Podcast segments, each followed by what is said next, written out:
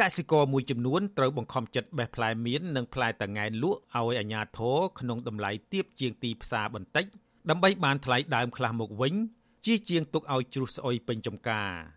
កសិករដាំមៀននិងតង៉ែននៅស្រុករតនមណ្ឌលខេត្តបាត់ដំបង លោកធុនសំអល់ឲ្យដឹងថាកសិករភៀកច្រើននាំគ្នាបេះមៀននិងតង៉ែនដឹកយកទៅលក់នៅក្នុងកីឡាដ្ឋានខេត្តដោយខ្លួនឯង ព្រោះអាជ្ញាធរមិនចង់ទិញបន្តពីឈ្មួញកណ្ដាលទេ លោកឲ្យដឹងថាអាជ្ញាធរទិញផ្លែមៀន1គីឡូក្រាមតម្លៃជាង2000រៀលឯផ្លែតង៉ែនតម្លៃជាង1000រៀលលោកថាថ្មីត្បិតតែតម្លៃនេះទាបជាងតម្លៃទីផ្សាររៀងរាល់ឆ្នាំបន្តិចក៏គ្រាន់បើជាងតម្លៃនៅពេលគ្មានទីផ្សារលោកបន្តថាមុនពេលអាជ្ញាធរប្រកាសទិញនោះ ឈ្មួញកណ្ដាលបានឲ្យតម្លៃមានក្នុង1គីឡូក្រាមក្រោម2000រៀលឯផ្លែតង្កែនក្រោម1000រៀលក្នុង1គីឡូក្រាម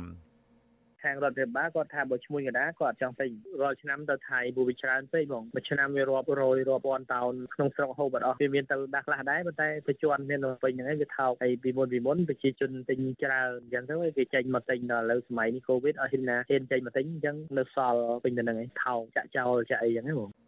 ចំណែកកសិករដាំមៀននៅស្រុករតនមណ្ឌលម្នាក់ទៀតគឺលោកភុយញៀម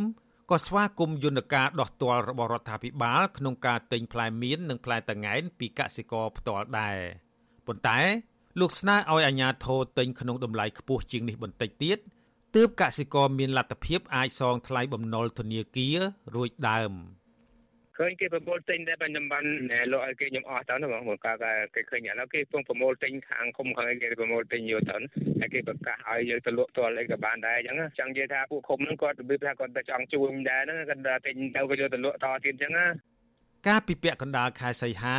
ផ្លែមៀននិងផ្លែតង៉ែនបានធ្លាក់ថ្លៃខ្លាំងនិងត្រូវស្អុយរលួយចោលដោយសារថៃផ្អាកទទួលទិញ។ ក្រោយពីកសិករនឹងឈ្មួញកណ្ដាលនាំគ្នាតវ៉ានៅក្បែរព្រំដែនច្រើនថ្ងៃមកលោកនាយករដ្ឋមន្ត្រីហ៊ុនសែនបានបញ្ជាឲ្យអង្គរៈរបស់លោក ទៅប្រមូលទិញផ្លែមៀននិងផ្លែតង្កែនពីកសិករដើម្បីចែកជូនមន្ត្រីរាជការនិងពលរដ្ឋដែលកំពុងធ្វើចតាឡេស័កដោយឥតគិតថ្លៃលោកនាយករដ្ឋមន្ត្រីហ៊ុនសែនអះអាងថា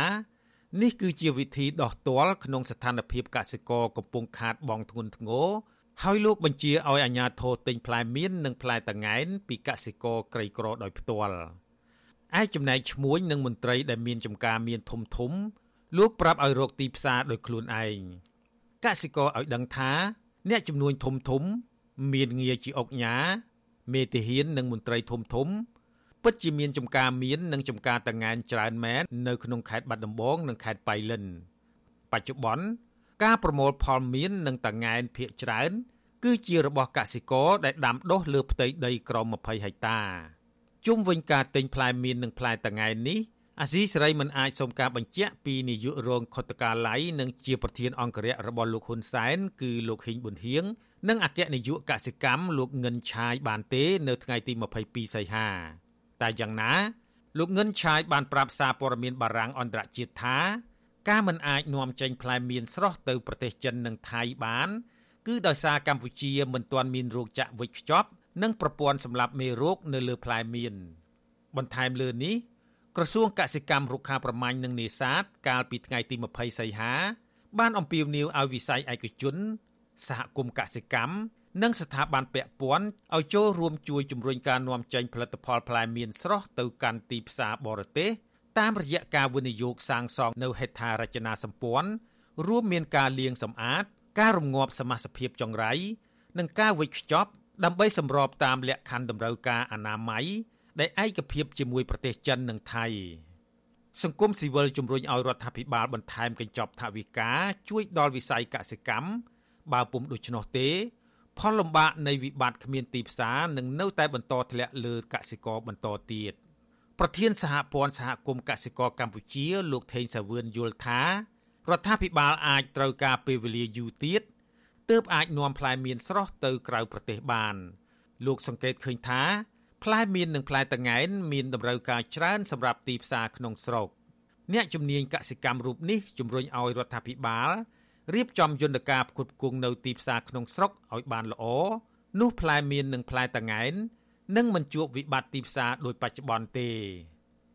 បើចង់ជួយកសិករបានយូរអង្វែងរដ្ឋរៀបចំប្រព័ន្ធទម្លាក់ថវិកាបន្ថែមទៀតវិនិយោគទៅលើវិស័យកសិកម្មដឹងទៅតាមរយៈตัวយ៉ាងម៉េចជួយទិញផលិតផលរបស់កសិករតាមរយៈបង្កើនថវិកាជាតិទៅលើវិស័យកសិកម្មព្រោះថាអគ្គនាយកដ្ឋានពន្ធដារហើយនឹងរដ្ឋប្រកាសក្នុងមួយខែមួយខែប្រមូលបានពុនរាប់ពាន់លានដុល្លារតែចំណូលជាតិអញ្ចឹងអាចដកលុយហ្នឹងដើម្បីជួយរៀបចំទិញកសិករហើយនឹងធ្វើការចែកចាយនៅក្នុងស្រុក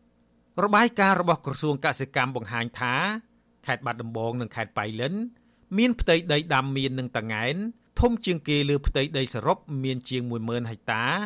និងទទួលបានទិន្នផលកាលពីឆ្នាំ2020ជាង150,000តោនតែនាំចេញទៅក្រៅប្រទេសបានតែជិត200តោនប៉ុណ្ណោះខ្ញុំជីវិតា